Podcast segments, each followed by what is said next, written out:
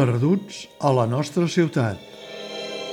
You will like the folks you meet in our town.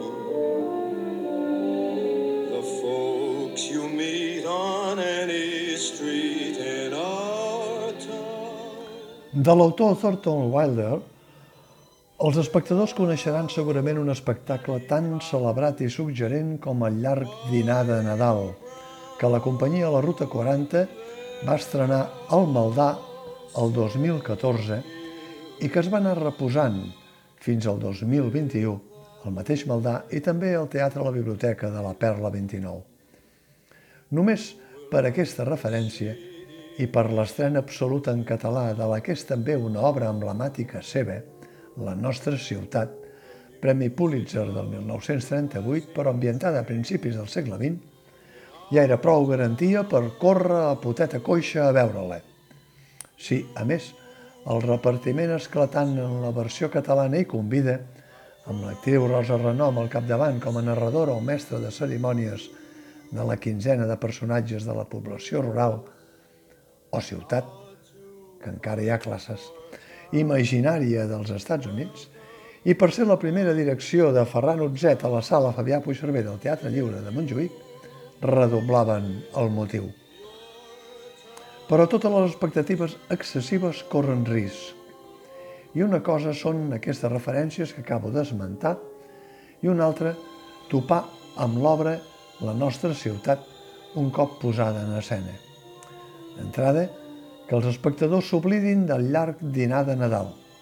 Pot semblar que s'hi acosti pel seu registre èpic, brechtià, però si allà hi ha un enfilall de captivadores històries personals d'una nissaga familiar de gairebé un segle, 90 dinars nadalencs per ser exactes, aquí, després de dues hores, pot ser que els espectadors surtin del teatre esperant encara que els expliquin alguna història.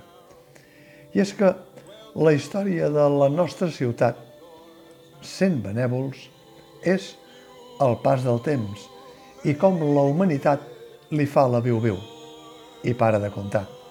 I això només permet alguna trapelleria escènica amb dos o tres intèrprets camuflats a la platea que sembla que intervinguin en una mena de postfunció o col·loqui d'aquells que s'organitzen en cada estrena i permet també algunes escenes de caire poètic.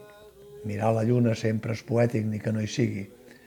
O arribar a l'escena final del Fossar, on serien molts els difunts que ho agrairien si tinguessin, com tenen tots els personatges de la nostra ciutat, una cadira a la tomba.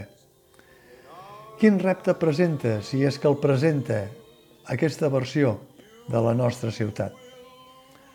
Que per molt que es digui que és una peça de teatre molt popular nord-americana i que als Estats Units es representa tort i a dret, aquí entra amb una mirada que vol ser la del teatre experimental i que diria que arriba tard. El planteig acaba creant una pesantor de seguiment per absència d'una trama que estaria bé que no es limités a mostrar només la quinzena de personatges i el seu paper a la vida, que dies passa, anys empeny, sinó que els relacionés, els rellegués, els apassionés, els ajuntés i els separés. On hi ha amor, hi ha odi. I aquí tot és un rusc de mel i murmuri d'abelles. La nostra ciutat és una peça rescatada de l'arqueologia teatral que ha servit per fer pràctiques d'aula teatral durant anys, que ha format part també de grups d'amateurs perquè té la possibilitat d'encabir 15 o 20 intèrprets, però que a l'hora de posar-la davant dels espectadors del segle XXI en una aposta professional, que n'han vist de tots colors en teatre i que ara venen marcats pel risc frenètic de les sèries.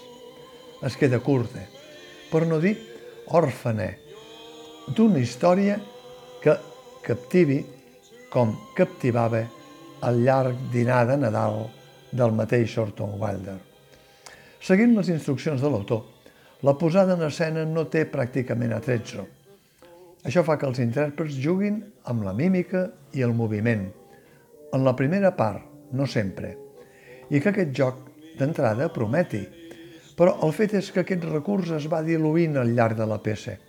Tot i que Thornton Wilder sembla que preferia que no hi hagués cap mena d'escenografia, aquí s'han passat fins i tot de la ratlla.